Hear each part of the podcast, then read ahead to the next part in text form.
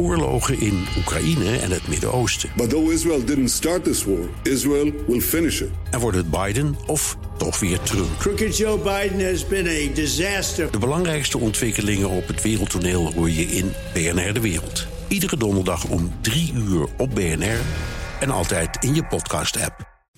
De column van Marianne Zwagerman. BNR-hoofdredacteur George Freulich trakteerde op taartjes. Want onze luistercijfers gingen door het dak in die eerste twee maanden van dit jaar. We noteerden maar liefst 33% stijging. Nou ben ik columnist en u weet, als columnisten honden waren... zouden alle stoepen blinken, want wij plassen een agressief soort azijn. Dus hoe blij ik ook ben met deze grote sprong voorwaarts... ik vind dat we nog een veel groter luisterpubliek verdienen. Maar ja, BNR is er niet voor iedereen. Wij zijn selectief. Ons moederbedrijf, de FD Media Groep, ronkte tevreden dat BNR de zender is met de hoogste selectiviteit in de zakelijke doelgroep. Drie kwart van onze luisteraars bevindt zich in de hogere welstandsklasse.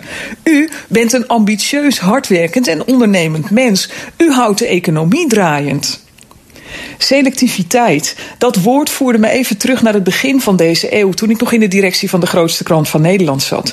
Toen selectiviteit en omveld nog begrippen waren waarmee je adverteerders kon overtuigen hun geld bij jouw mediabedrijf onder te brengen. Adverteerders vonden het belangrijk dat hun boodschap in een context stond die goed voelde, die paste en versterkend werkte. Die tijden zijn voorbij, sinds geld van adverteerders vooral naar Facebook en Google verdwijnt. Sindsdien weten merken niet meer waar hun advertenties terechtkomen. Ze gooien hun campagne-euro's in een soort gokmachine en hopen er het beste van. Via een digitaal veilingssysteem worden vraag en aanbod van bannerposities bij elkaar gebracht. Programmatic advertising noemen de nerds. Advertenties duiken sindsdien op de gekste plekken op. Naast filmpjes met kinderporno bijvoorbeeld. Of als pre-roll voor een YouTube-filmpje met onthoofdingen in het Midden-Oosten. Dat moet een bedrijf toch niet willen, zou je denken. Tot nu toe kwamen Facebook en Google ermee weg, maar nu lijkt er eindelijk een kentering te komen. In Amerika trokken grote adverteerders voor miljoenen dollars hun campagnes terug van YouTube. Toen na onderzoek door de Times bleek dat ze vrolijk werden vertoond voor gewelddadige filmpjes van IS-aanhangers en nazi-fans.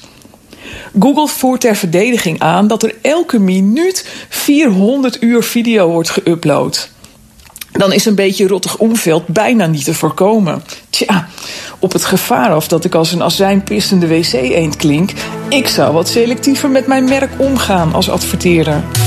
En dat we Ook Hugo Reitsma vind je in de BNR-app. Superhandig die BNR-app. Je kunt alle programma's live luisteren, breaking nieuwsmeldingen. Je blijft op de hoogte van het laatste zakelijke nieuws. En je vindt er alle BNR-podcasts, waaronder natuurlijk de belangrijkste, Boeken zijn in de wijk.